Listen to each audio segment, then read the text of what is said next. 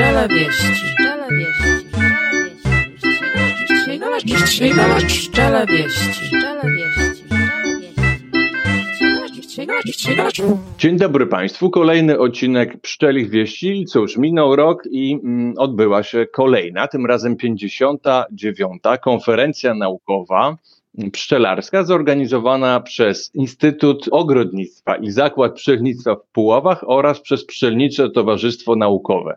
Z nami jest pan profesor Zbigniew Kołtowski, który jest no, kierownikiem pracowni zapylania roślin i wydaje mi się, że no, głównym, mm, głównym moderatorem i organizatorem merytorycznym tej konferencji. Zgadza się? Tak, dzień dobry Państwu.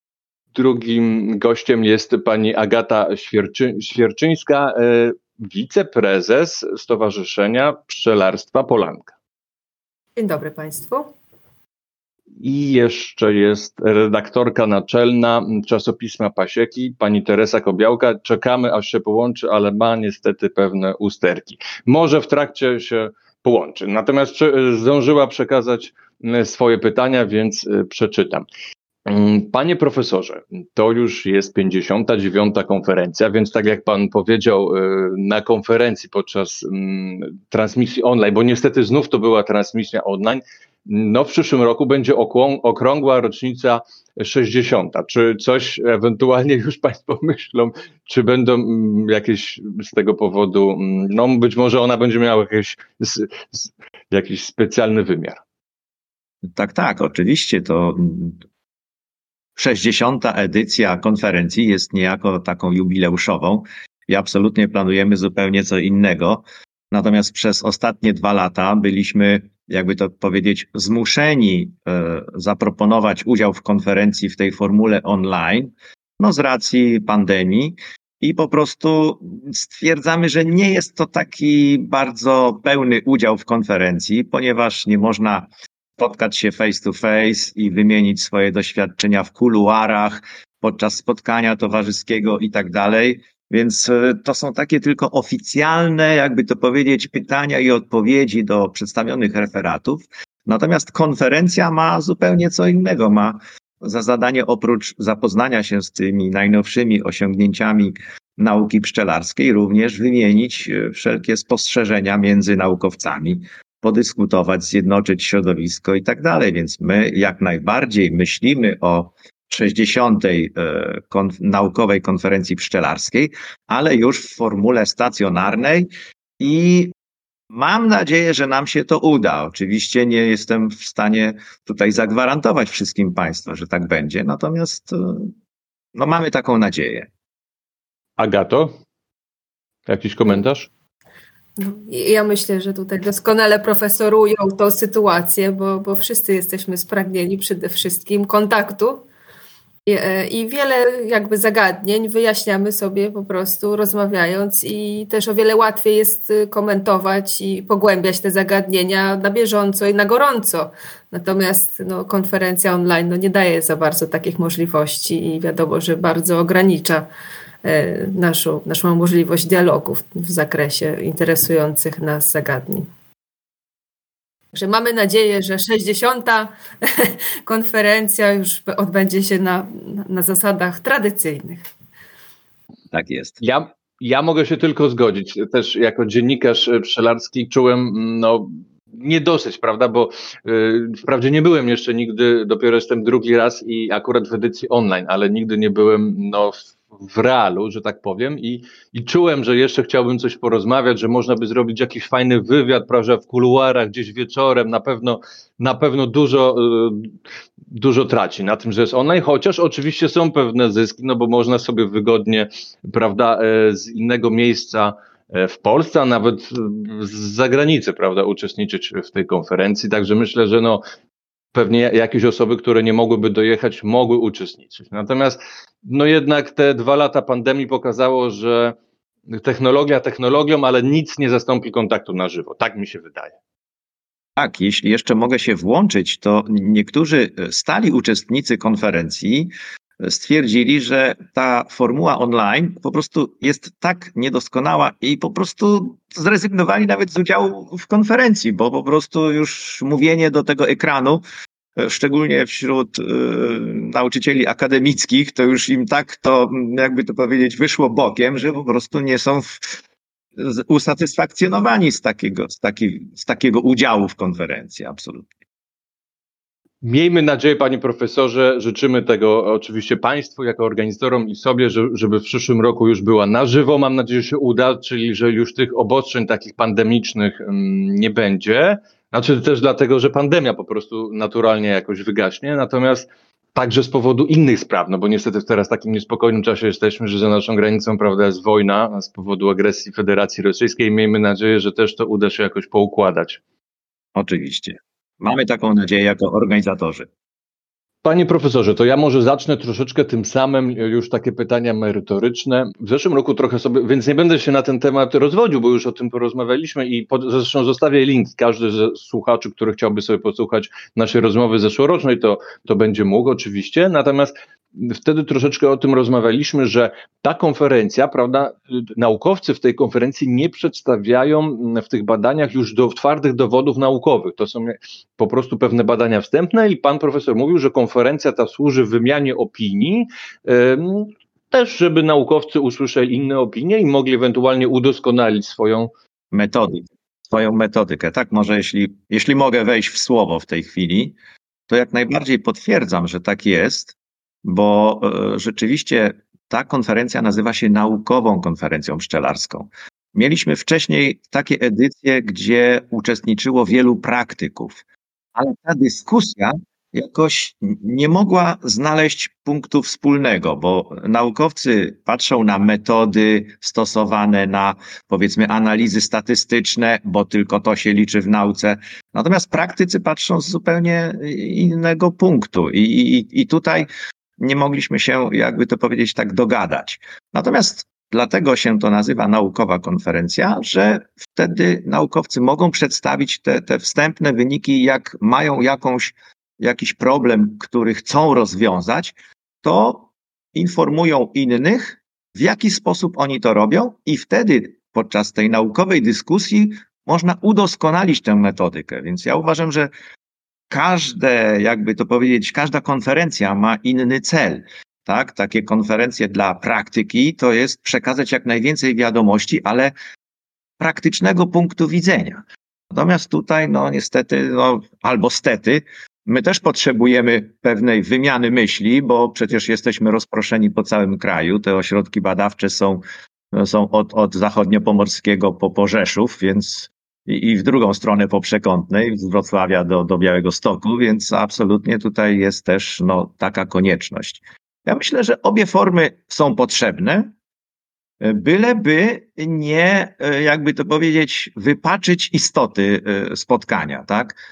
Bo mm, no, często jest tak, że praktycy mówią, no cóż, ci naukowcy wymyślają, w cudzysłowie, ale oczywiście wymyślają po to, żeby powiedzmy najpierw jakieś podstawowe procesy rozpoznać, a dopiero później e, zaimplementować to do praktyki. Także e, to wszystko ma swój, jakby to powiedzieć, wymiar, cel i myślę, że wszystko jest przydatne.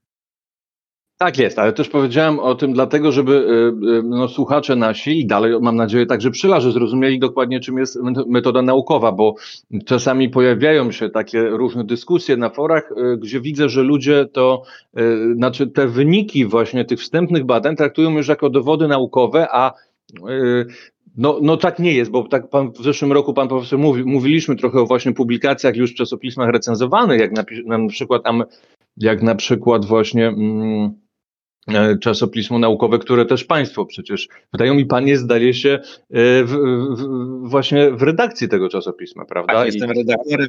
Tak, jestem redaktorem naczelnym i to w ten proces to, to jest, nie jest wcale taki prosty, bo takie e, na konferencji zgłaszamy właściwie to, co chcemy przedstawić na, do publicznej dyskusji. Natomiast w publikacji to już to musi mieć odpowiedni wymiar, poparte powiedzmy wieloletnimi badaniami, jeżeli chodzi o, o przyrodę, albo odpowiednim spektrum szerokiego materiału badawczego, tak? bo nie wystarczy zbadać powiedzmy jedną rodzinę pszczelą. Sami dobrze wiemy, każda rodzina jest inna. Ja na przykład mam swoją pasiekę i, i obserwacji ze swojej pasieki nie włączam do e, wyników badań naukowych, bo to jest pasieka e, hobbystyczna i ona nie jest prowadzona metodycznie. Natomiast jeżeli mamy metodykę, która chce coś udowodnić, no to musimy niestety no, stosować odpowiednie zasady. I to, to różni tę praktykę od, od nauki, tak mi się wydaje. Ale oczywiście często są to zbieżne sprawy. Natomiast zdarzają się no, takie głosy, że u mnie w mojej pasiece to inaczej wygląda. No ale no, ja myślę, jakbym mogła tutaj jeszcze powiedzieć dwa słowa, to, to właśnie mieliśmy też taką sytuację, że, że badania były przedstawione, ale odbiegały od y, tradycyjnego schematu, tak, od wyników, które zostały uzyskane w innych częściach y, świata albo w innych publikacjach. I no, wymagają pewnej weryfikacji, dłuższego okresu badań. I w ogóle ja, jako pszczelarz praktyk, to odbieram taką konferencję jakie, tak, jako takie jakby poszerzenie y, światopoglądu, tak? To znaczy, no, chodzi o to, żebyśmy się zorientowali, jak sytuacja wygląda ogólnie dla pszczelarzy i pod różnymi jakby względami. Jest to takie źródło, z którego możemy czerpać pewnego rodzaju inspiracje albo metody, które możemy próbować stosować w swoich pasiekach. Natomiast jest to kwestia zawsze wyboru każdego pszczelarza i no pomijając powiedzmy kwestię z leczeniem pszczół w dzisiejszych czasach. Natomiast jest to takie otwieranie y, się na świat. O.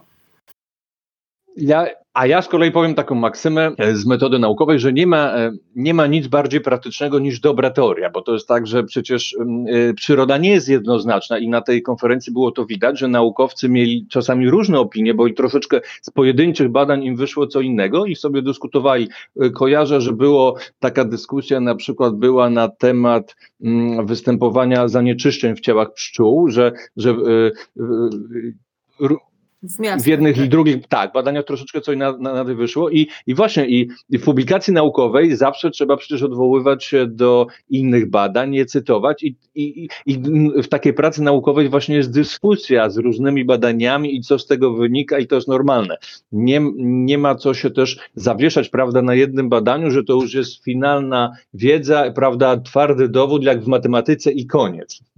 Nie wiem, czy pan profesor się ze mną zgodzi.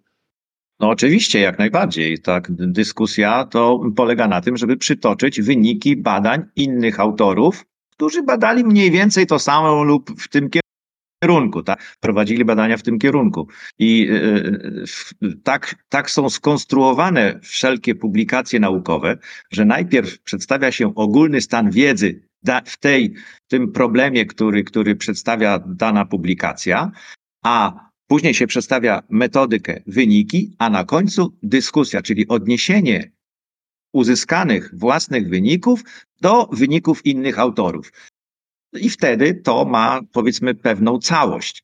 Natomiast na e, różnych e, kursach czy, czy, czy, czy, czy szkoleniach to, to nie ma tak, to, to trzeba trochę inaczej podać tę, tę wiedzę, więc, więc to, to też wymaga pewnego doświadczenia, żeby, no powiedzmy, nie zacytować y, całych takich mm, badań bardzo szczegółowo, bo praktyka, powiedzmy, tego no nie, jakby to powiedzieć, nie rozpozna no, w ten sposób. Trzeba to w pewien sposób uogólnić. Dobrze, to może teraz przeczytam e, pytania, no bo niestety pani Teresa napisała, że przetestowała trzy rodzaje słuchawek i, i nadal nie działa. Zrobiłem zresztą pan, panią Teresę admin, administratorem, więc no nic na, na teraz nie mogę więcej zrobić, więc, więc przeczytam te pytania. Znaczy, na pierwsze pytanie już że, żeśmy troszeczkę odpowiedzieli, ale jeszcze pani Teresa dopytuje, czy, czy ta konferencja w, w realu tak zwanym e, będzie organizowana być może w, w Cieszynie znów. Nie, nie, nie, takiego pomysłu nie ma. Mm, e, raczej e, jestem pewny, że będziemy organizować tę jubileuszową konferencję właśnie w Puławach, tak, gdzie, gdzie zawsze E, no, w czasach już no, dawnych organizowana była właśnie w Puławach. E, Cieszyn to były mm, takie, e, można powiedzieć, wyjątki, gdzie Śląski Związek Pszczelarzy wystąpił do Pszczelniczego Towarzystwa Naukowego i do Zakładu Pszczelnictwa jako do organizatorów konferencji, że chciałby zrobić taką konferencję u nich na, na, na ich terenie z możliwością udziału pszczelarzy praktyków. I to nam wypaliło y, dwukrotnie, więc y, uważam, że to było coś innego, coś fajnego. E, też dla tych uczestników konferencji, którzy ciągle przyjeżdżają w jedno miejsce, to też nie jest aż tak za bardzo atrakcyjne, tak? Więc z tego tytułu my się zgodziliśmy, ale musi być deklaracja, że tych organizatorów na miejscu, że, że coś takiego może być. Więc y, dwa lata temu była konferencja w Cieszynie, niestety została, jakby to powiedzieć, przerwana e, przez właśnie pandemię, a właściwie pierwsze przypadki rozpoznania zakażeń COVID-19. I wtedy z Cieszyna szybko wracaliśmy do Puław i nawet się z, no, poddaliśmy dobrowolnej izolacji, żeby ewentualnie z Cieszyna nie, nie przywieźć do naszego terenu no właśnie tej, tego wirusa, ale no, to się e, udało nam, ale później i tak ta pandemia nas dosięgła. Drugie pytanie, panie profesorze. Y, na ten temat już troszeczkę mówiliśmy, ale jest dalsze rozwinięcie. Na otwarciu konferencji mówiono o rozbieżności nauki z praktyką. Ten aspekt bardzo często przejawia się również przy okazji innych wydarzeń pszczelarskich. Jakie jest zdanie pana profesora na ten temat i z czego to może wynikać, ta rozbieżność i czy w ogóle możemy to zdefiniować. Można też zauważyć, że ludzie nauki, jeśli mogę użyć takiego określenia, niechętnie wychodzą ze swoją wiedzą do pszczelarzy praktyków. Z czego to może wynikać Pana zdaniem? Brak czasu, czy, chęci czy chęć skupienia się bardziej na karierze naukowej, do której potrzebne są tak zwane punkty? Czy być może jest to przekonanie, że ich badania, czyli jak rozumiem w domyśle naukowców, nie mają bezpośredniego przełożenia na praktykę? Nie, no zadał mi pan tak długie pytanie, że słuchając końcówki zapomniałem, czego dotyczył początek. To postaram się skrócić, ale to jest pytanie, y, to jest, y, podkreślam, że to jest pytanie mm, pani redaktorki naczelnej Pasieki, Teresy Kobiałki. Dobrze, trzeba to, poszat, trzeba to, to pytanie poszatkować, tak, y, ale absolutnie. Dobrze. No pierwsze, tak, jest rozbieżność między nauką a praktyką, tak? No trochę dotknęliśmy tego tematu, że rzeczywiście, tak jak mówię, Halo? nauka, o mamy, o mamy, o, mamy udało się. naszej dyskusji. No dobrze, dobrze to, no to pan profesor odpowiada, witamy, udało się połączyć y, się pani Teresie i akurat pan profesor odpowiada na pani pytanie. Także bardzo proszę. Dobrze, więc ta rozbieżność między właśnie e, nauką a praktyką to polega na tym, że tak jak wspomniałem, ja w swojej pasiece mam powiedzmy e, dwa typy ula, tak, zabudowa ciepła, zimna, matki e, kaukaskie albo ukraińskie, takie albo takie. I jak ja mam porównywać, można powiedzieć, wydajność w moim miejscu? No nie za bardzo, bo, bo w nauce rzecz polega na tym, że jeżeli chcemy przeanalizować jakiś czynnik, to pozostałe inne czynniki muszą być identyczne, takie same albo najbardziej zbliżone, można tak powiedzieć. I wtedy możemy powiedzieć, że to, co badamy, to jest wiarygodna odpowiedź, że jest tak albo inaczej. Natomiast praktyka bardzo często, to tak jak już nawet wspomniałem, że a u mnie w pasiece to jest tak i tak. No to, to niestety nie można tego porównać.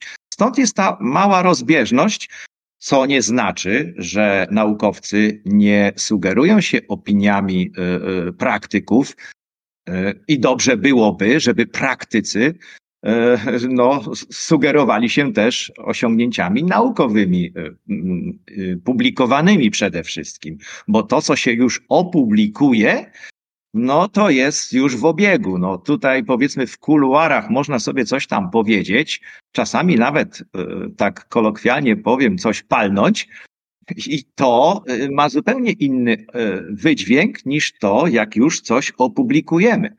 Mój profesor mówi, to napiszesz pierom, nie wyrubiesz taparom. Kiedyś, no, ci, co znają język rosyjski, to wiedzą o co chodzi, tak? No, ja jestem z tego okresu, gdzie mm, rosyjski był obowiązkowy w szkole podstawowej, więc, więc być może mi to trochę tam łatwiej.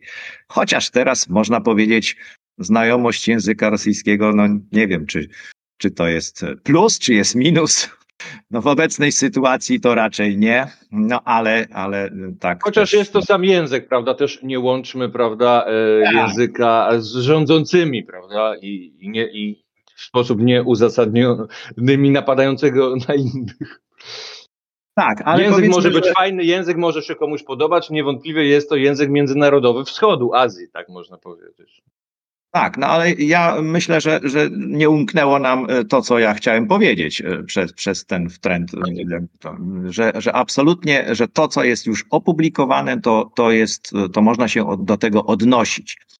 Natomiast, no, dalsza część pytania, tak, tego rozdźwięku między nauką a praktyką, że niektórzy naukowcy mm, nie są skłonni, e, jakby to powiedzieć, upowszechniać te swoje wyniki i, i uczestniczyć w szkoleniach dla praktyków i tak dalej.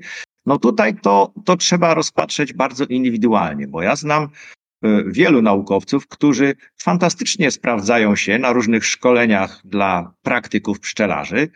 E, Myślę, że ja też chyba jestem, należę do tych, którzy którzy bardziej aktywnie uczestniczą w transferze wiedzy do, do praktyki. I y, niektórzy y, mają do tego jakiś dar, a inni zresztą jeszcze można też y, tutaj wziąć pod uwagę fakt, że są badania podstawowe, które, które praktycznie do praktyki to dopiero po jakimś no, zastosowaniu, po jakimś, po jakimś no, mm, można tak powiedzieć, że suche dane uzyskane w naukach podstawowych dopiero mogą służyć do nauk aplikacyjnych, tak? I, i, i tutaj, tutaj jest też y, ten, ten aspekt, że jeżeli ktoś bada naprawdę bardzo mm, e, takie e, podstawowe, powiedzmy, procesy biochemiczne czy coś, to, to do praktyki być może y, niezbyt łatwo to może trafić, tak? I w związku z tym no, no są niektóre mm, dziedziny, w których no nie ma takiego bezpośredniego przełożenia do praktyki. Więc to jest druga część pytania. I jeszcze chyba coś tam było, nie pamiętam dokładnie. Proszę mi jeszcze przypomnieć, e, co, co jeszcze, mm, na jaki temat jeszcze mogę coś wyjaśnić. Cóż, to mogę oddać tylko głos autorce pytania. Nareszcie, czyli pani Teresie. Dzień dobry, dziękuję. Przepraszam bardzo za te problemy techniczne. Pierwszy raz miałam taką sytuację. E, Coś tutaj poblokowało dostęp mikrofonu. E, Wracając tutaj do mm, pytania skierowanego do pana profesora. E, No ja mam tutaj taką swoją prywatną refleksję, że bardzo często jest właśnie podkreślana ta rozbieżność nauki z praktyką. I zastanawiam się, dlaczego nie mówimy jakby o uzupełnianiu, że i to, i to jest ważne, to o czym powiedział przed chwilką pan profesor, że ta praktyka jest ważna w e, nauce i odwrotnie. Mm. Więc no, no zastanawiam się, z czego to wynika, że to jest tak mocno tutaj podkreślane e, i czy w ogóle e, no to można zdefiniować, prawda? Co to jest ta rozbieżność, o której tyle się mówi. No tak, no, trudno jest y, zdefiniować y, na podstawie jakiejś, jakiejś małej y, definicji, tak, żeby wszystko objęła. To trudno jest, no ale ja, wydaje mi się, poruszyłem y, no, kilka aspektów, które właściwie wyjaśniają, dlaczego tak się dzieje, tak? Chociaż w niektórych sytuacjach ja nie powiem, że to jest bardzo duża rozbieżność. E, być może jest tak, że czasami oczekujemy czegoś innego, a wyniki badań mówią nam niestety, my mieliśmy taką hipotezę, ale ta hipoteza się nie potwierdziła w wyniku naszych badań. No i, i cóż, i wtedy naukowiec musi powiedzieć, no niestety ten e, wynik nie potwierdza naszych przypuszczeń, albo że potwierdza. No jak potwierdza przypuszczenia, to można powiedzieć, to nauka, no, no jakby to powiedzieć, nie, nie wywraca świata do góry nogami, tak? Ale jest Tak. czasami też potrzebne, potrzebne potwierdzenie. No, więc weźmy y, powiedzmy obecną konferencję, gdzie rzeczywiście sporo mm, tematów wiązało się z z zanieczyszczeniami, tak, produktów pszczelich. I powiedzmy, no e, tutaj zostały to w pewien sposób potwierdzone. E, takie ogólne stwierdzenie, że e, powiedzmy, no, e, nie wiem, tereny ekologiczne no, są mniej zanieczyszczone niż konwencjonalne, albo że w miastach nie ma środków ochrony roślin, a w terenach rolniczych są te środki. Więc to, to się mniej więcej potwierdziło, ale to wymagało, to ogólne mniemanie społeczeństwa wymagała, wymagało potwierdzenia naukowego, tak mi się wydaje, i, i to akurat zostało potwierdzone. Jeśli jakbym mogła jeszcze coś dodać, to wydaje mi się też, że pewne badania, które są prowadzone w bardzo takim wąskim zakresie, w bardzo wąskiej specjalizacji, e, wielu pszczelarzom wydają się właśnie praktyką, wydają się zupełnie takie oderwane od ich rzeczywistości, natomiast one w dalszej perspektywie czasowej bardzo dobrze przekładają się na praktykę. I na przykład była taka sytuacja, mieliśmy przedstawioną e, badania dotyczące E, pewnych szczepów bakterii mlekowych, które pochłaniały prawda, zanieczyszczenia i tam generalnie środki ochrony roślin i te substancje czynne. No i patrząc na pierwszy rzut oka, hodowanie bakterii na, na szalkach Petriego no nie jest y, za, w, jakby w okręgu i, i zainteresowań pszczelarzy. Natomiast jeżeli wyniki tych badań przełożą się na powstanie preparatu, który będzie ogólnie dostępny jeżeli pszczelarze będą mogli z niego korzystać, no to oczywiście będzie to jak najbardziej praktyczne zastosowanie takiego badania. Więc wydaje mi się, że to też jest kwestia no po prostu e, długofalowa. Nie można powiedzieć, że pewne badania są zupełnie oderwane od, od praktyki, bo, bo potrzeba też czasu, żeby zobaczyć, czy one po prostu znajdą zastosowanie. Tak, na pierwszy rzut oka Aha, proszę bardzo. No, nie, nie, panie profesorze, proszę. Nie, nie, to na pierwszy rzut oka, ja tylko jedno zdanie, że na pierwszy rzut oka wygląda to, e, że nie ma związku, a jednak e, w przyszłości się okaże, że jest i to duży. Ja troszeczkę jestem taki czasami nudny i ciężki w dyskusji, bo lubię definiować pojęcia. I teraz to zwrócę uwagę, że trzeba troszeczkę rozróżnić. Wydaje mi się, że czasami pszczelarze to. Mm, y, jakby zrównują teoria i praktyka. Trzeba troszeczkę rozróżnić naukowe pojęcia y, tego typu jak teoria naukowa z takimi powszednimi, bo bywa, że się używa takiego zwrotu, to tylko teoria i że o coś tam sobie naukowcy wymyślili. No ale przecież, jeżeli badamy pszczoły rebeliantki czy, czy trutówki, jeżeli badamy konkurencję na przykład pomiędzy pszczołą miodną a innymi zapylaczami, no to przecież no to, to jest praktyka, bo na przykład robi się badania na pewnej wyspie, gdzie raz są e, ule, raz nie są, więc to, więc to, to nie jest tak, że naukowcy sobie coś wymyślili, owszem, dedukowali coś, ale później przecież sprawdzają, więc jeżeli widzimy, że rodzina pszczela na przykład jest pełna konfliktów, a tutaj tak mówię trochę, bo zapowiadam e, wywiad, który będzie zresztą w Pasiece i u mnie na, w podcaście Radiowa Roza, to, to nie wynika to, prawda, z jakiegoś e, tylko wymyślania sobie w głowie, tylko ze sprawdzania, z konkretnych badań eksperymentalnych. Więc no, no tutaj chciałem zwrócić uwagę, że, to, że jednak e, biologia i pszczelnictwo należy do nauk empirycznych, więc to się po prostu sprawdza w, w, w rzeczywistości fizycznej, te rzeczy. O, tylko tyle. No to ja jeszcze, jeśli mogę coś dać, e, od siebie tutaj padło słowo teoria. Ja też bym chciała zwrócić uwagę, że e, jakby jest stawiany znak równości pomiędzy teorią a hipotezą i że to pojęcie teorii jest bardzo często błędnie e, używane przez pszczelarzy głównie.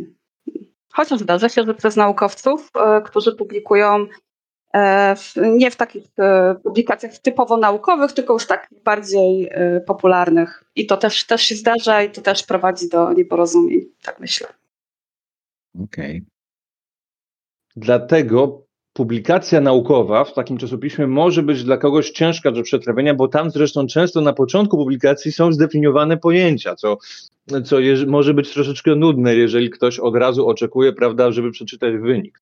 Dlatego też e, dobra jest, ważna jest rola popularyzatorów, tak, którzy no, jednak zmienią to na, na bardziej przystępny język i wydobędą z tego całego tekstu naukowego no, to, to, to ziarno istotne.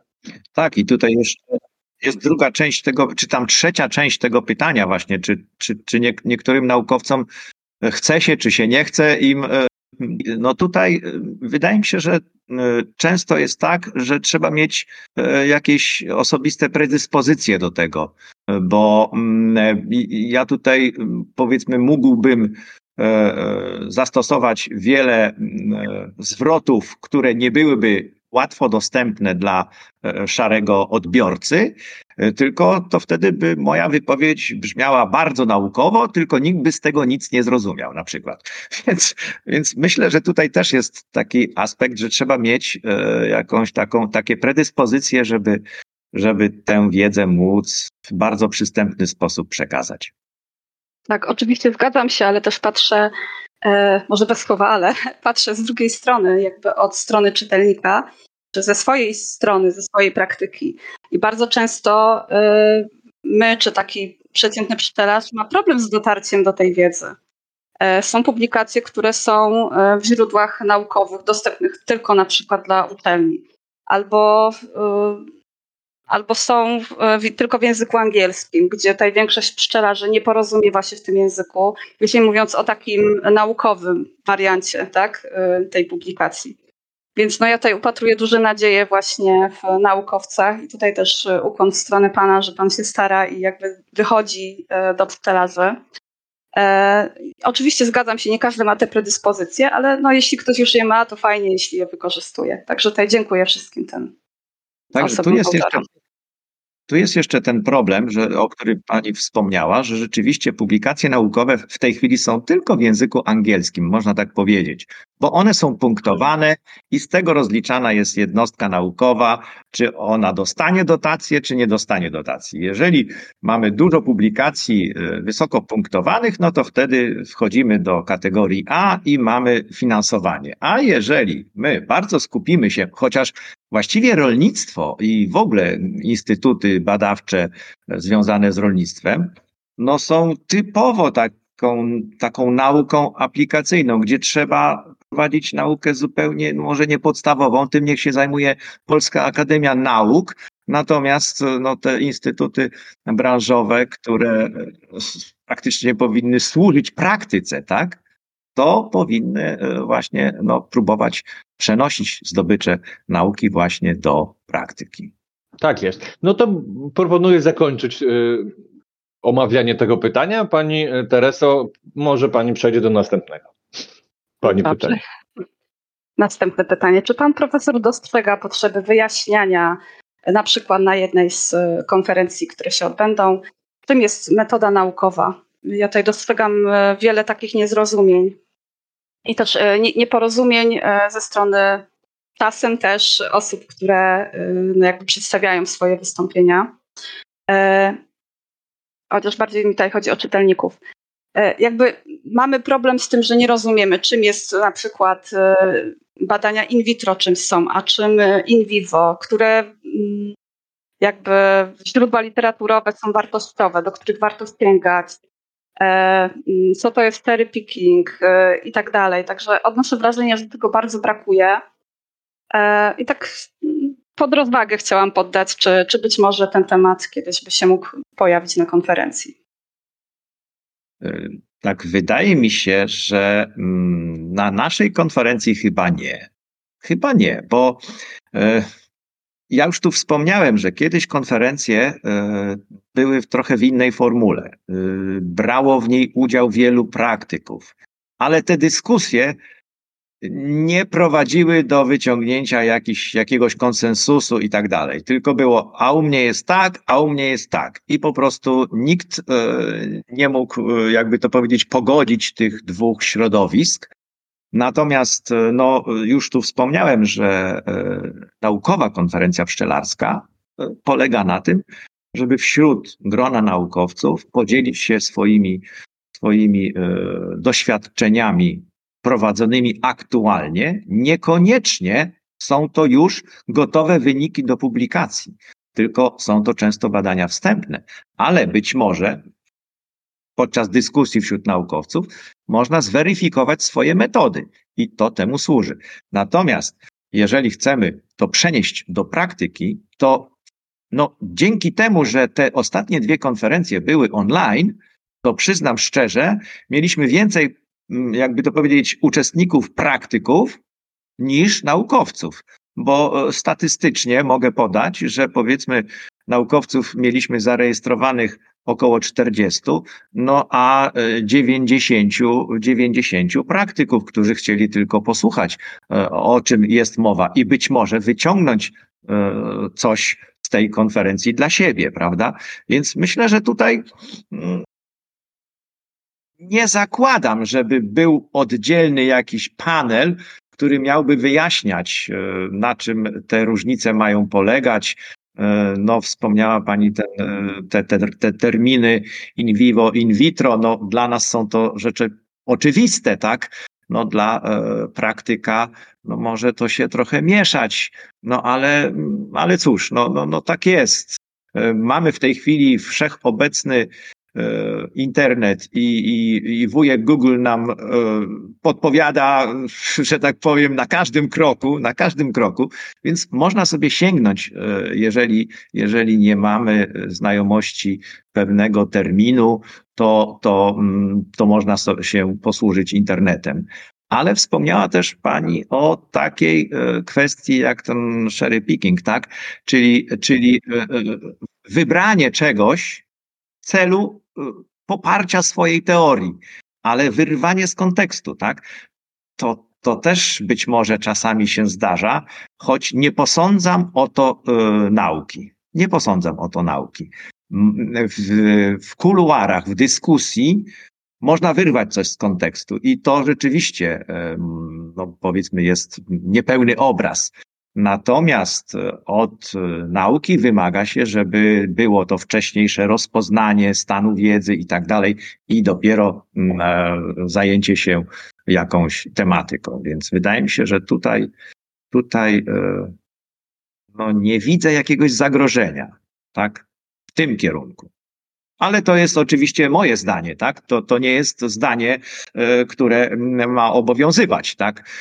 Każdy z nas tutaj przedstawia to jest też e, właśnie e, dosyć e, chyba pożyteczne rozróżnienie przy tego typu dyskusji. Pan przedstawia teraz swoją przecież opinię. Nie mówimy o faktach przecież. Tak. Znaczy są pewne tutaj fakty, ale to jest Pana opinia, czy jest tak, czy inaczej w tej kwestii przecież. Oczywiście, oczywiście. A ja tylko zauważę, że co do internetu, to są no, każdy klimat w końce, bo tam jest zagrożenie, że, że można się, prawda, na jakiś filmik na YouTubie natknąć, który właśnie będzie podważał to, o czym mówiliśmy. A, tak, panie Nie, profesorze? Przepraszam, panie Jakubie, tu chodziło o to, że jeżeli nie rozumiemy jakiegoś terminu, to posłużyć się internetem. A. Wcale nie namawiam do oglądania i powiedzmy y, stosowania praktyki pszczelarskiej prosto z internetu. Wręcz przeciwnie. Uważam, że jest tam wiele i to bardzo szkodliwych informacji nawet. Tak, tak właśnie chciałem przywołać y, nie, niedawną informację, która się pojawiła, mm, taki filmik, że oparty właśnie o jakieś tam pojedyncze mm, bardzo wstępne badania in vitro, że miód e, zabija COVID, prawda? Tak, że różne się pojawiają informacje. No tak, ale muszę, muszę, przyznać, że do naszego czasopisma, tego Journal of Apiculture Science, też y, została złożona taka praca, y, która nawiązywała, że produkty pszczele mają jakieś tam znaczenie w, w zapobieganiu czy, czy, czy zwalczaniu no może za duże powiedziane zwalczaniu, ale, ale w jakimś tam pomocne są przy tych, przy zakażeniu COVID-19, no ale niestety nie obroniło się to e, naukowo, to znaczy no nie mogliśmy tego przyjąć, bo było, to była tylko taka spekulacja, a nie, a nie e, dane, które rzeczywiście można by było opublikować. Ja myślę, że tutaj nie chodzi e, tyle o niezrozumienie terminu, czym jest in vitro, czym jest in vivo, tylko tutaj e, dostrzegam taki problem, że czytelnik e, czy słuchacz e, danego wystąpienia, on jakby nie wpadnie na to, że powinien to sprawdzić, co to jest i dlaczego te badania in vitro, no nie chciałem powiedzieć, że mają niską wartość, ale dlaczego one nie mają takiego przełożenia na praktykę i dlaczego wymagają dalszych badań, prawda? Także no tutaj bardziej ten problem dostrzegam i myślę, że też stąd wynikają te pytania czy słuchaczy, a u mnie w pasiece tak, a u mnie tak, o czym pan profesor mówił. E, to jest właśnie moim zdaniem niezrozumienie tej metody naukowej. E, jakby im to wcześniej przedstawić, pokazać, oczywiście gdyby konferencja brała pod uwagę, że jest skierowana w jakimś tam aspekcie też do pszczelarzy, nie tylko do naukowców, jakby im to wyjaśnić na początku, to myślę, że nie byłoby tych pytań, że wtedy rozumieliby, że to jest tak zwany dowód anegdotyczny i tak dalej. Także no, no Tak, mnie ale- osobiście tego brakuje i też sama wciąż się jakby uczę, bo też nie jestem tutaj z tego świata naukowego, prawda?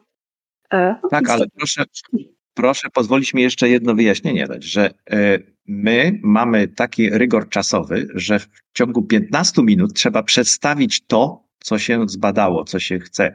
Więc często jest tak, że sam wstęp zajmuje 10 minut i to po prostu jest po to, żeby wyjaśnić, e, żeby sam wynik okazał się zrozumiały.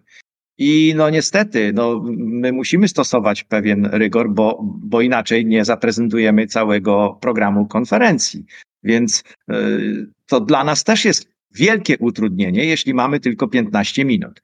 Natomiast gdybyśmy mieli na każdy referat pół godziny, to myślę, że ten wstęp, który by ułatwił zrozumienie istoty sprawy, byłby bardziej rozbudowany i byłby bardziej przystępny dla odbiorca praktyka. Czy ja też myślę, że po prostu no, nie taki jest cel tej konferencji naukowej, że przede wszystkim poszerzanie tej wiedzy, y, powiedzmy nawet w zakresie pewnych pojęć, można by było przerzucić na konferencje, które są y, realizowane czy organizowane bezpośrednio dla pszczelarzy praktyków i tam też można zaproponować tematy poszerzające tą wiedzę teoretyczną związaną z pojęciami czy z badaniami, tylko że pszczelarze nie wykazują wcale zainteresowania taką tematyką i, i tutaj, no, mówiąc brzydko, jest pies pogrzebany. Trochę tak, a ja jeszcze mogę dopowiedzieć, że zawsze można e, rozważyć propozycje popularyzatorów, dziennikarzy, prawda, którzy Tak. mogą mieć do tego smykałkę pewnego rodzaju wyjaśnieniu. Jakiś być takim pomostem, prawda, pomiędzy światem nauki a zwy, zwykłym odbiorcą. No tak to ty, powiem. Jakub, troszeczkę- jesteś takim pomostem i dziękujemy ci za to. Zaraz. Ale nie tylko ja, bo przecież Tak też to odbieram, że właśnie prasa pszczelarska i, i, i, i- media e, takie specjalistyczne to właśnie temu służą, jasne. Nie tylko ja, bo chciałem podkreślić, że tutaj Agata zrobiła na forum Polanki bardzo fajne streszczenia, e, takie można powiedzieć abstrakty wręcz, e, e, wszystkich właśnie prezentacji, które były na konferencji, a pani e, redaktorka Teresa przecież mm, zrobiła też e, artykuł na, na, na stronie Pasieka24, więc To w sumie wcale nie jest takie proste, bo rzeczywiście to jest tak, ja się zawsze staram y, wyciągnąć pewne y, takie wnioski, y, po pierwsze praktyczne, tak, bo zawsze pszczelarze oczekują tej praktyki, ale też streścić tak w kilku słowach i w takim właśnie zrozumiały sposób. Y, y, Oczywiście nie, nie, nie, niełatwo jest uniknąć jakichś błędów mery, merytorycznych nawet często, więc no to jest tutaj takie ryzyko, że, że to może nastąpić. Natomiast właśnie no, to się spotyka z dosyć dużą sympatią odbiorców, że, że te najważniejsze, najbardziej istotne dla pszczelarzy informacje zostaną podane w pigułce. Można to przeczytać w trzy minuty, a jeżeli jest rzeczywiście wtedy jakaś potrzeba pogłębienia tematu, no to właśnie można sięgnąć do publikacji albo do materiału z konferencji i, i poszerzać już we własnym zakresie tę wiedzę. Mogę tylko podziękować w imieniu nauki za taką Ależ działalność. proszę. jak ciężko jest pisać dobre abstrakty, czyli streszczenia naukowe i mm, jak ciężko się zmieścić y, z, z opowiedzeniem o badaniach, w których są różne niuanse w 15 minut, może trochę świadczyć to, że już rozmawiamy 50 minut, a przecież pan profesor odpowiada, a my dyskutujemy tylko na kilka pytań właściwie, prawda? Rozmawiamy na razie o teorii konferencji. No tak, ale też są różne tutaj niuanse, więc podejrzewam, że każdy naukowiec w kuluarach mógłby opowiadać o swoich badaniach za dwie godziny, prawda, panie profesorze? Dokładnie, dokładnie. Tradycją e, naszych konferencji jest między pierwszym a drugim dniem spotkanie towarzyskie. I to spotkanie towarzyskie kończy się często nad ranem, bo po prostu tak, tak wiele jest spraw do przedyskutowania. Więc no to, to, sam, to świadczy o tym, jak wiele e, wnoszą, wnoszą e, te rozmowy w kuluarach. Dobrze, proponuję zakończyć. Pani Tereso, pani ostatnie pytanie. Moje ostatnie pytanie. Jak w praktyce wygląda proces przyjmowania doniesień przedstawianych na konferencji? Czy one przechodzą jakąś weryfikację przez komisję, czy tam jakieś kolegium, czy to jest jakaś korekta merytoryczna. No, domyślam się, że pewnie tak, ale no, mnie interesują takie szczegóły z racji moich zainteresowań zawodowych. Tak, więc my dajemy pełną swobodę autorom doniesień konferencyjnych e, w tym zakresie, że zgłaszają e, wyniki, że to muszą być wyniki. To nie może być e, przeglądówka, tylko to muszą być jakieś wyniki. I na podstawie tego, jeżeli przyślą nam takie streszczenie, które jest tam powiedzmy no, na jedną stronę A4, my musimy, my to czytamy i patrzymy, czy ewentualnie no, tam są jakieś e, herezje, czy nie, czy są jakieś błędy merytoryczne, czy nie. Natomiast nie ingerujemy niejako jako recenzenci. Tu nie ma recenzji. Te materiały są nierecenzowane. Często jest tak, że są to wyniki jednoroczne albo, albo e, więc tak jak mówię, e, nie recenzujemy tego w taki sposób jak publikacji naukowej, tylko po prostu no, wychwytujemy ewentualnie jakieś tam błędy, y, literówki o takie rzeczy. Ewentualnie, jeśli coś wymaga poprawy, to y, sugerujemy od razu autorowi, że, że tutaj to trochę coś inaczej trzeba, ale, ale nie jest to recenzja taka, która odrzuca, odrzuca y, dane doniesienie. Więc wydaje się, że każdy, kto chce, ale prezentować wyniki badań, nie, nie przeglądowe sprawy, tylko wyniki badań może yy, no, zostać przyjęty do, na naszą konferencję naukową. Rozumiem, dziękuję. Panie profesorze, to ja mam takie ostatnie pytanie już y, z Pana specjalności, ponieważ dosyć dużo było na konferencji. Mm, wydaje, takie mam wrażenie, że najbardziej mm, popularnym tematem mm, były zanieczyszczenia w pyłku nektarze czy w ciele pszczoły i co z tego wynika, prawda? Czy no, różne były badania przedstawione i ich wyniki na tej konferencji. Czy ma pan profesor jakieś takie ogólne konkluzje na ten temat? E, no tak, to, mm, to już ten temat nurtuje e, świat nauki od wielu lat. W latach 80. już prowadziliśmy takie badania, gdzie e, drzewa lipowe przykrywaliśmy izolatorem i tam wstawialiśmy rodzinki i mieliśmy trzy takie czynniki doświadczalne. Tuż przy drodze mm, o intensywnym ruchu komunikacyjnym i e, powiedzmy 100 metrów od drogi i y, półtora kilometra od drogi. I te produkty pszczele z tych rodzinek umieszczonych pod izolatorem, one, one przynosiły tylko konkretnie tej danego jednego drzewa w takiej odległości. I, I to nas zainspirowało, że rzeczywiście nektar był bardziej zanieczyszczony niż miód na przykład, tak? I teraz to się potwierdza, ponieważ no, w wielu tutaj publikacjach było tak, że rzeczywiście e, ten pierwszy e, produkt przynoszony do ula jest zanieczyszczony. Pszczoły w pewien sposób w procesie dojrzewania tego nektaru i tworzenia miodu no, po prostu w pewien sposób oczyszczają poprzez, poprzez trafalakcję, prawda, no, y, przekazywanie sobie tego pokarmu y, z wola do wola. W pewien sposób te substancje gdzieś się, jakby to powiedzieć, y, gubią. I okazuje się, że najwięcej tych pozostałości szkodliwych substancji jest właśnie w pszczołach. Więc to jest taka generalna konkluzja, że może pszczoły potrafią oczyścić ten produkt, który e, stanowi zapas na zimę, bo e, tak samo jak my chowamy coś do spiżarni, to chowamy e, bardzo dobre produkty, a nie jakieś, prawda, no takie, które mogą się zepsuć, tylko albo które mogą być szkodliwe, więc to, to myślę, mi się wydaje, że tutaj natura dobrze to mm, sobie jakby to powiedzieć, zweryfikowała, że, że jednak jest tak, że produkty pszczele są naprawdę dosyć bezpieczne. Drugim, e, to znaczy tak, najwięcej pozostałości jest w pszczołach, później w pyłku, a najbezpieczniejszy czy najmniej zanieczyszczony jest miód. To wyszło w wielu, w wielu badaniach, czy, czy, czy doktora Kilianka, czy nawet w naszych doświadczeniach. A zresztą to, co ja prezentowałem, to jest tylko wycinek, a y, mamy szersze y, badania, bo badamy również y, produkty trzmieli i badamy również produkty pszczół samotnic, więc tutaj no, jeżeli byśmy chcieli zaprezentować całe spektrum, no to na pewno te 15 minut to byłoby za mało.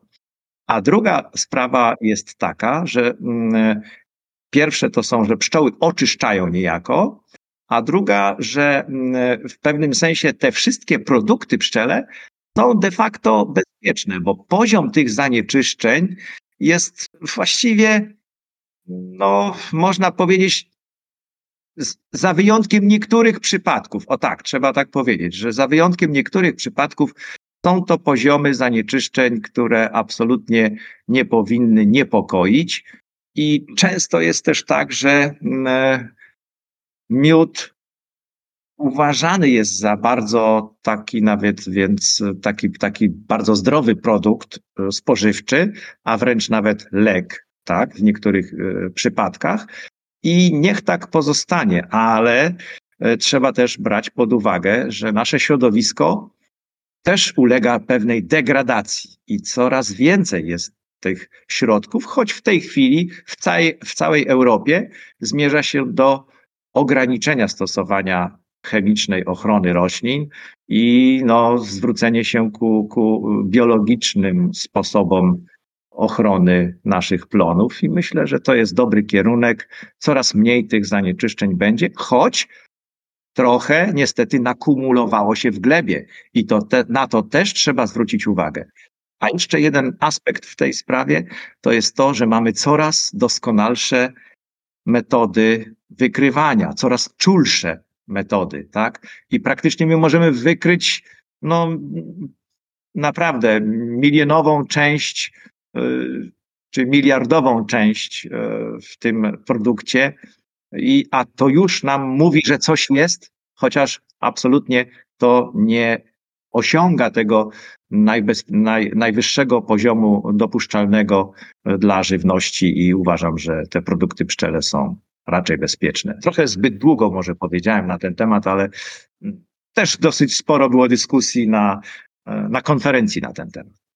Mnie się wydaje, że tutaj jakby potwierdza się, i teraz nie wiem, czy użyję właściwego słowa, teoria, o tym, że pszczoły są no, na tyle, że, że rodzina pszczela po prostu filtruje te, te, te, pożytki swoje, czyli jakby nie jest w stanie przekroczyć pewnej wartości progowej, dlatego produkty, które ona oferuje, będą w jakimś stopniu zawsze y, czystsze niż to, z czym ona się spotyka w środowisku. Natomiast no, też należy myśleć o tym albo podkreślać to, że w porównaniu z innymi produktami rolnymi lub też spożywczymi, które mamy na rynku, tutaj mamy zawsze tą pewną nieprzekraczalną barierę tolerancji rodziny pszczelej że jakbyśmy porównywali, nie wiem, marchewkę z pola, może się okazać, że ona no, w ogóle nie ma żadnej bariery, która, żadnej granicy zanieczyszczenia, które z, z natury rzeczy może wchłonąć. Natomiast rodzina pszczela zawsze będzie taką, będzie filtrowała nam te zanieczyszczenia.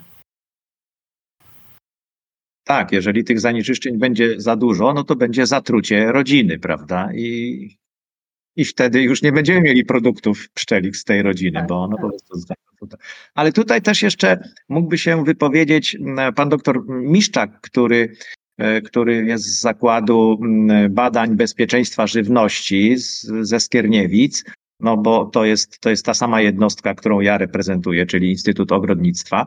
I oni badają na przykład wszelkie e, produkty ogrodnicze i rolnicze pod względem e, no, nieprzekraczania zawartości niektórych substancji, e, co jest potrzebny taki certyfikat do powiedzmy eksportu danego produktu, prawda, bo musi spełniać określone wymogi, tak.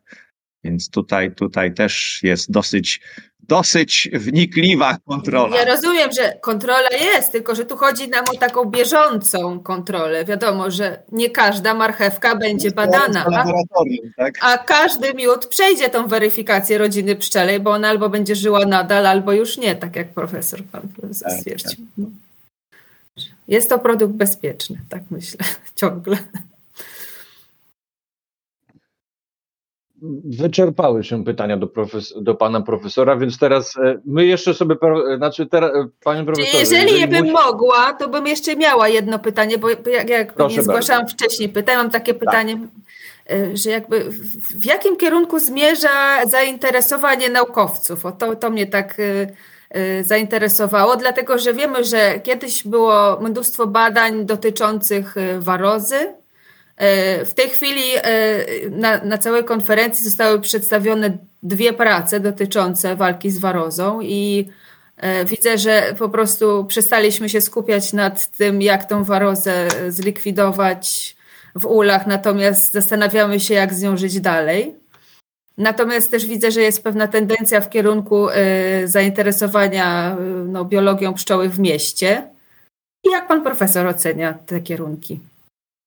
E, To znaczy tak, e, trudno jest mi tak z, zdefiniować, powiedzmy, nie opierając się na statystyce, tak? Bo powiedzmy, ile e, doniesień dotyczyło tego czy tamtego tematu. Nie przygotowałem się akurat do tego. Natomiast tak z przebiegu konferencji to rzeczywiście wyglądało na to, że, że zatrucia już, już przeważają, czy tam, czy tam e, pozostałości środków ochrony roślin już przeważają nad sposobami walki z warozą.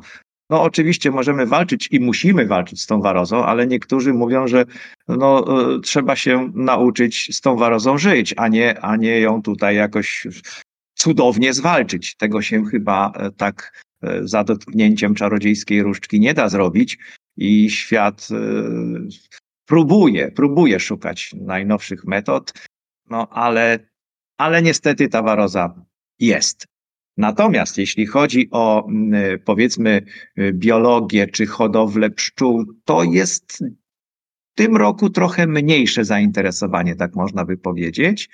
E, Nie mieliśmy w tym roku, e, e, jakby to mm, tak określić, dużo tematów, jeśli chodzi o mm, e, inne e, owady zapylające, tak? Oczywiście było kilka doniesień tylko. I wydaje się też, że jakość produktów pszczelich też była na e, takim, takim, takim centrum zainteresowania.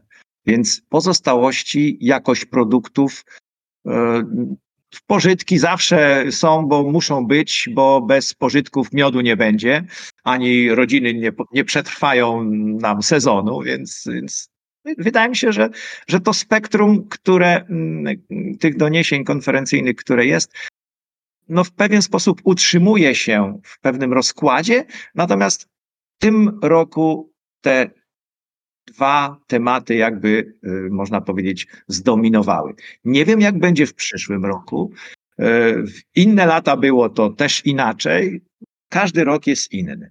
Tylko chciałem powiedzieć, że bo obiecałem panu profesorowi 15 minut, co oczywiście okazało się niemożliwe, więc y, ab, absolutnie jakby rozumiemy, jeżeli pan profesor już musi uciekać, a jeżeli nie, no to Dobrze, Chętnie dobrze będziemy- dziękuję bardzo Państwu. Było, było mi bardzo miło z Państwem porozmawiać, bo uważam to za taką rozmowę, tak? No, tak Mam jest. nadzieję, że, ta rozmowa też w pewien sposób no, rozjaśniła e, klimat wokół konferencji. Dziękuję panie profesorze, miłego dnia.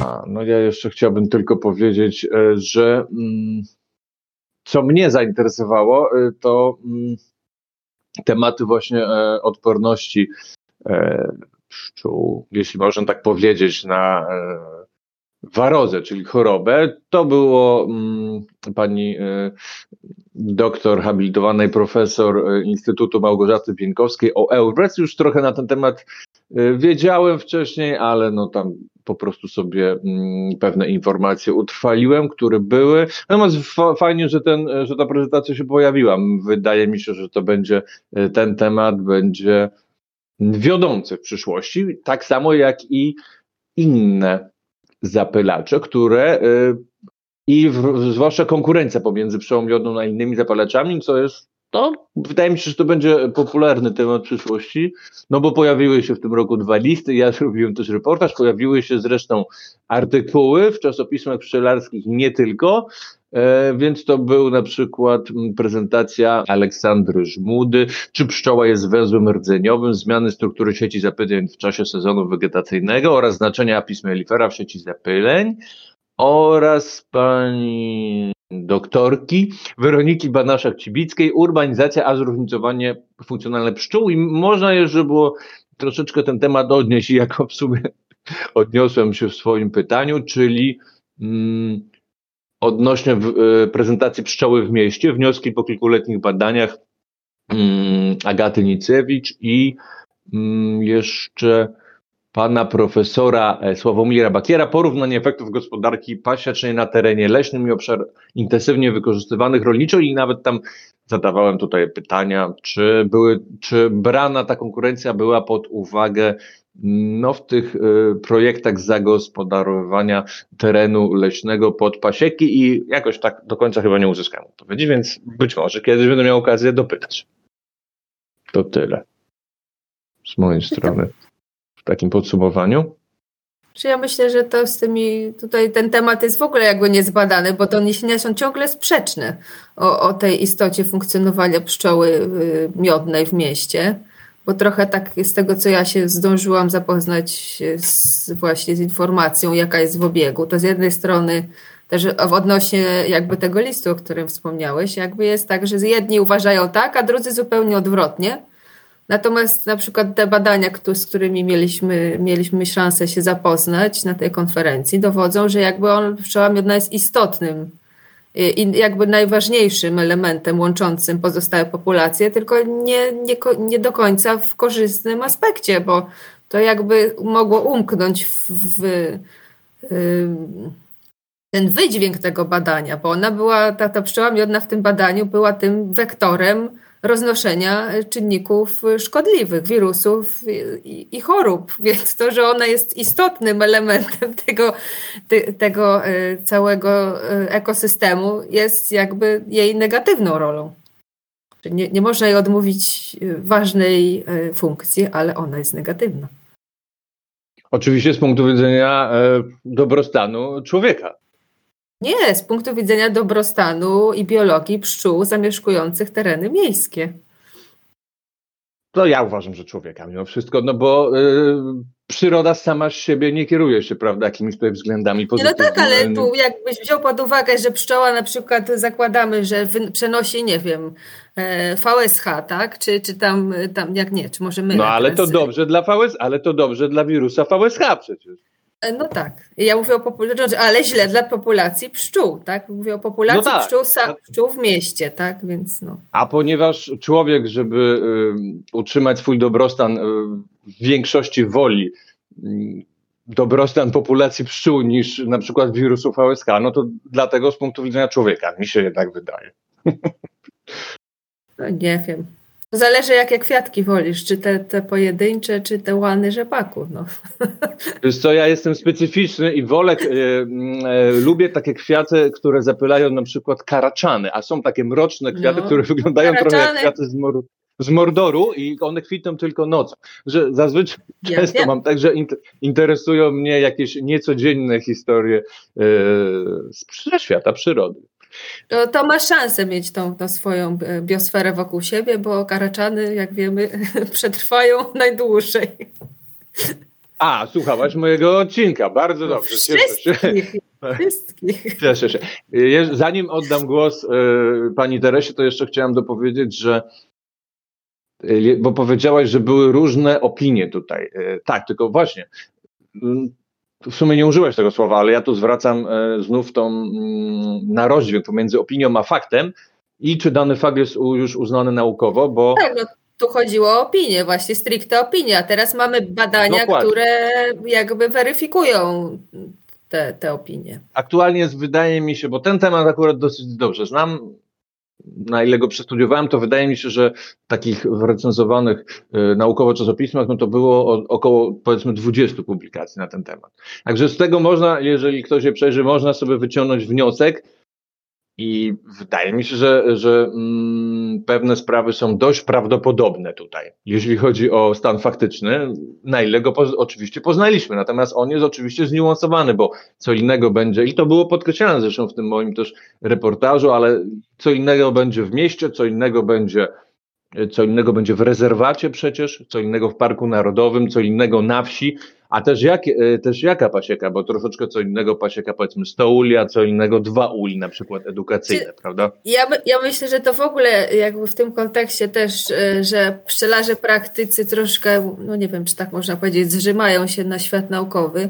Polega to na tym, że pszczoły są tak specyficznym po prostu gatunkiem, tak ściśle związanym z bezpośrednim otoczeniem, że w zasadzie każda pasieka jest zupełnie innym światem i naprawdę no, możemy pewne zasady dotyczące wszystkich populacji czy wszystkich rodzin pszczelich e, odnaleźć, ale jest też cała masa tych unikatowych i niepowtarzalnych powiązań i, i jest taka specyfika, ale mówię, to potem jest właśnie to, że u mnie w pasiece jest taka, u mnie jest a, tak. No, no właśnie. No i właśnie dlatego, że warunki środowiskowe, sposób prowadzenia tej pasieki, no jest wiele niuansów, które wpływają bardzo zdecydowanie znacząco no, na, na, na zmiany, na charakter.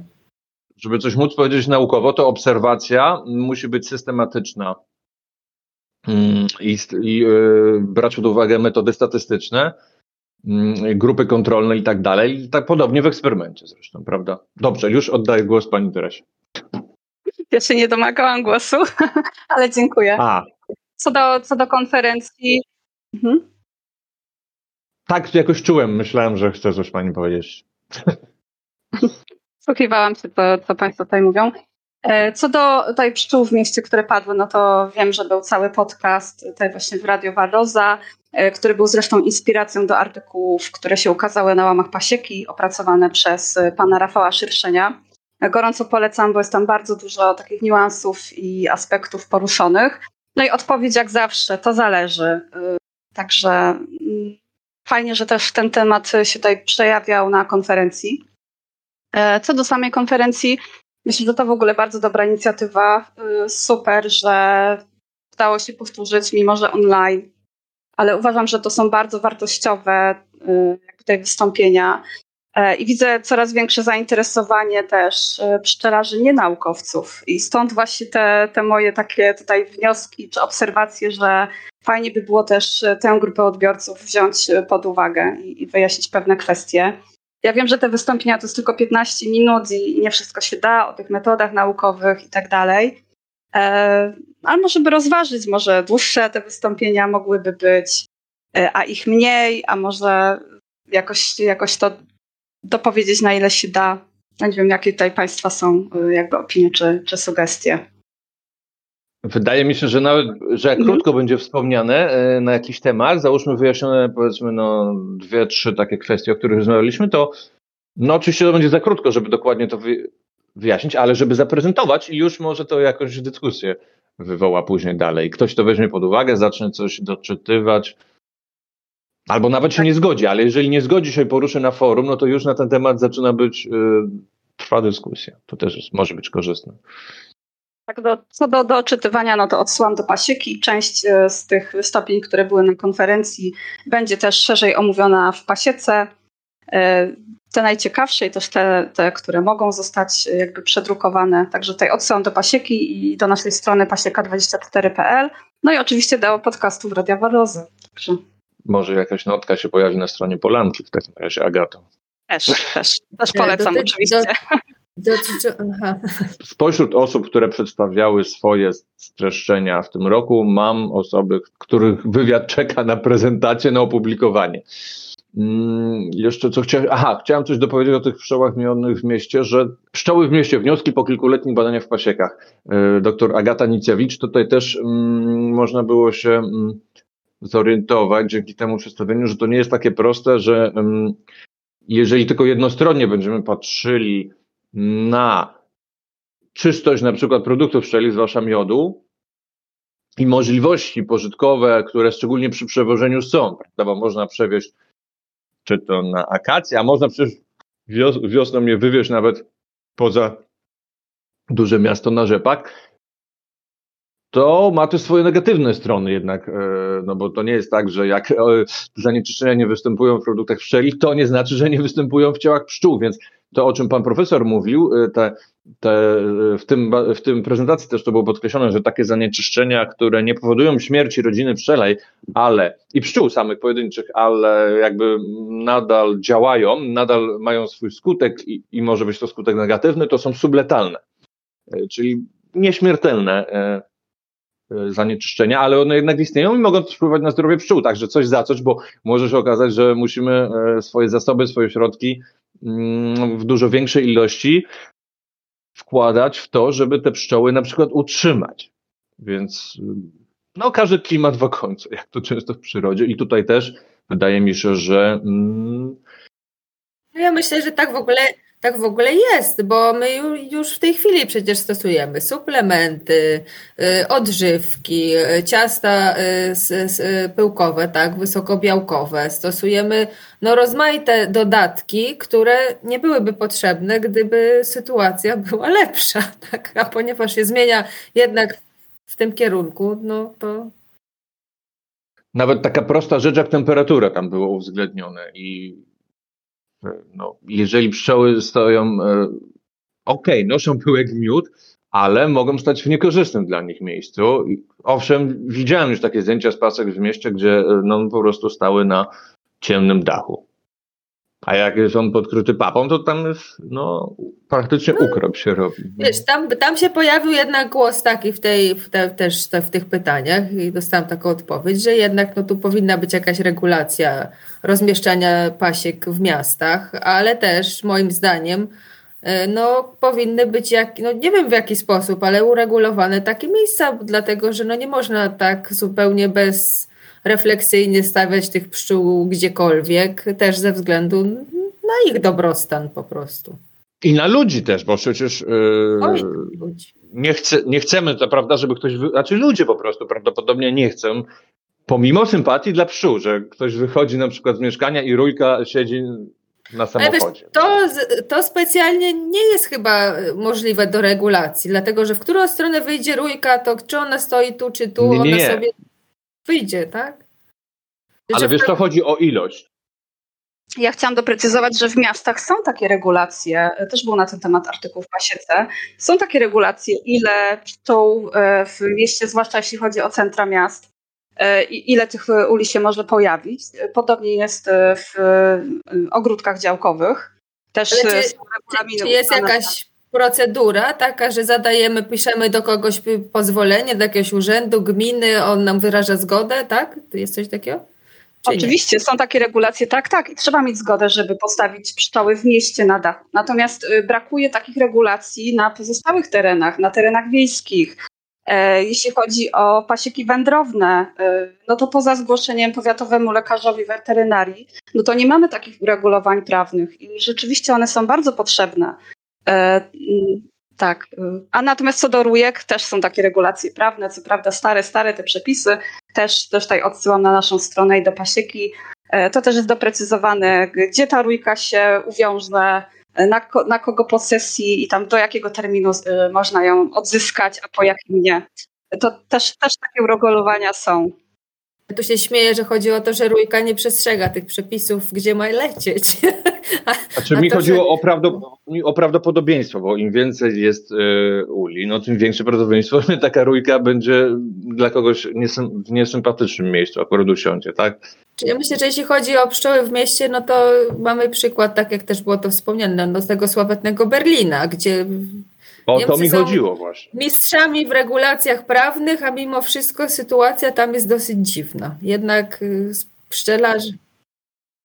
Bo może robili to zgodnie z regulacją. Jeżeli było, jeżeli zgodnie z regulacją można na mm, wysokiej kamienicy sobie postawić y, na dachu, gdzie na wylocie pszczoły mają ulicę, a nie park, no to robili to zgodnie z regulacją. Pytanie, czy regulacje mieli dobre, bo wydaje, widzą jednak różnicę y, pomiędzy pasieczką w jakimś dużym parku, prawda, a No na balkonie. Ja pamiętam taki wykład y, doktora Polaczka u nas na Polance, który opowiadał o tym, że w Berlinie to w ogóle jest sytuacja bardzo nieciekawa, dlatego że ludzie postanowili y, indywidualnie zajmować się pszczołami, bo jest taka y, jakby narracja medialna, że to jest taka fajna zabawa i ciekawe jakby podejście do świata przyrody i można w ten sposób się przyczynić do, do polepszania sytuacji zapylaczy i że w takich tak, tych, tych ulach snozowych, on na to mówił, że to są skrzynie, że po prostu na balkonach sobie te skrzynie stawiają, przez pierwszy sezon wszystko jest świetnie, w drugim sezonie nieleczone zupełnie pszczoły wychodzą, idą rójki, roznoszą warozę i inne wirusy, no i że jest w ogóle nieciekawie. No to ja to jeszcze dodam, uprzedzając pytania słuchaczy, e, że w Polsce nie można stawiać e, uli na balkonach, także przestrzegam przed mhm. takimi pomysłami. Ale na dachu? Na dachu? Na dachu tak, ale no tak jak mówiliśmy wcześniej, są regulacje, one się różnią pomiędzy poszczególnymi miastami. E, I dlatego też tutaj jakby nie ma tego, niektórzy tak twierdzą, że nie ma takiego zagrożenia od strony pszczół miodnych w kontekście owadów dziko żyjących, że jednak e, ta liczba uli jest ograniczona. E, jakby nie ma tej, tej takiej jakby zagrożenia przepszczelenia. E, natomiast no, to zależy, moim zdaniem, to powinno być rozpatrywane indywidualnie w oparciu o bazę pożytkową, o to, ile uli na danym terenie będzie i jak również o te owady dziko żyjące, prawda, czy, czy są, czy ich nie ma, jakie i tak dalej. No i te sieci zapyleń, o których była też mowa na konferencji. I podejrzewam, że coś się w tym kierunku w najbliższych latach będzie działo. Tak, po dziennikarsko wydaje mi się, no bo temat jest. Po, powstają nowe publikacje. Można powiedzieć, że tak temat jest troszeczkę modny, tak. E, oczywiście biorąc pod uwagę, no, no wąski ten temat w gronie, prawda, po prostu no, apidologii, tak można powiedzieć, prawda? Coś się dzieje, no, coraz więcej pracy jest na ten temat, więc podejrzewam, no, że siłą rozpędu na ten temat regulacje powstaną i chyba dobrze, no bo jeżeli coraz więcej ludzi się czymś zajmuje, no to jest taka naturalna tendencja, że dobrze jest, żeby te e, ewentualnie powstają po prostu naturalne konflikty, więc dobrze by było nomen omen rozwiązywać te konflikty pokojowo, prawda? które powstaną. Dobrze, dziękuję Paniom w takim razie za udział w tym podcaście. Dziękujemy. Dziękuję również. Do usłyszenia, do zobaczenia, e, albo, a, a także również do przeczytania, mm, bo e, każdego z nas można gdzieś tam w internecie znaleźć prawda, artykuły, do przeczytania w artykułach. Tak jest, do przeczytania. Dziękuję bardzo. Dziękujemy bardzo. Do usłyszenia.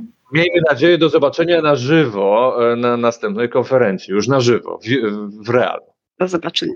Dziękuję również i do, do zobaczenia. Do widzenia. Szczerości, szczerości, A jeżeli się podobało, to zawsze możesz rzucić groszem na Patronite.